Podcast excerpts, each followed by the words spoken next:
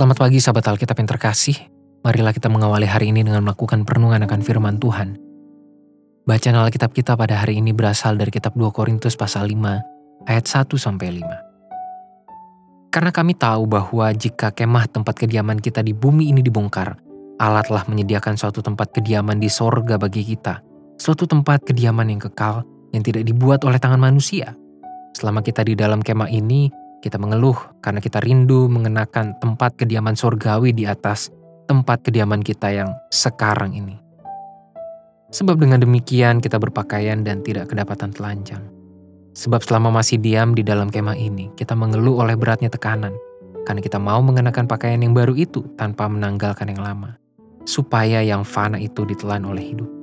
Tetapi Allah lah yang justru mempersiapkan kita untuk hal itu, dan yang mengaruniakan roh kepada kita sebagai jaminan segala sesuatu yang telah disediakan bagi kita.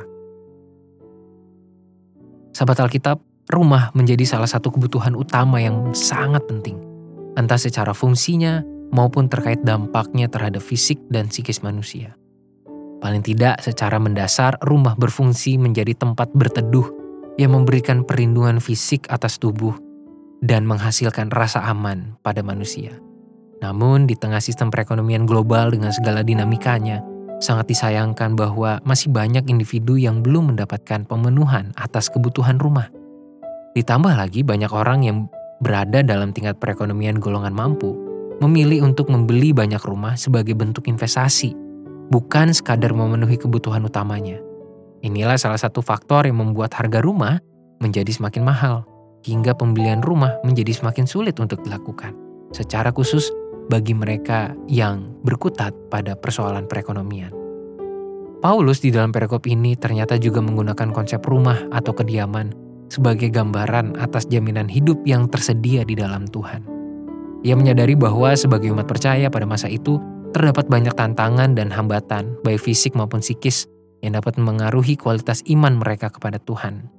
Itulah mengapa Paulus mengungkapkan bahwa ia bersedia menanggung semua itu yang tidak jauh lebih besar daripada jaminan kediaman di dalam Tuhan. Kediaman ini tentu bukan merujuk pada materi, besarnya kafling maupun luas tanah yang Tuhan berikan, melainkan ruang hidup yang secara utuh terikat dengan Tuhan. Sahabat Alkitab, setiap kita mungkin saja sedang menggumuli beberapa hal maupun mempertanyakan sejumlah peristiwa yang terjadi dalam hidup masing-masing. Tidak dapat dipungkiri, di dalam segala kelemahan dan keterbatasan sebagai manusia, Mungkin juga ada di antara umat percaya yang berpikiran untuk meninggalkan Tuhan karena terlalu muak dengan semua pergumulan atau letih dengan kenyataan hidup yang tidak sesuai dengan ekspektasi. Namun, firman Tuhan yang menyapa kita pada hari ini telah menjadi sebuah pengingat atas jaminan yang terlalu berharga untuk kita lepaskan dan tinggalkan begitu saja.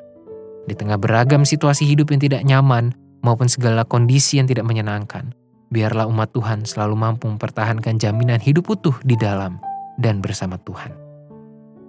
Marilah kita berdoa.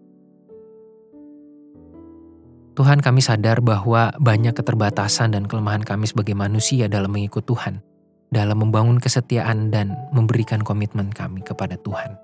Tapi tolonglah kami Bapa untuk selalu mengingat atas jaminan hidup yang Tuhan sediakan dan sudah tersedia bagi kami Biarlah kami selalu mampu mempertahankan itu semua di tengah dinamika kehidupan kami. Tengah banyaknya pergumulan dan kesulitan hidup yang harus kami hadapi. Hanya dalam nama Tuhan Yesus kami berdoa. Amin.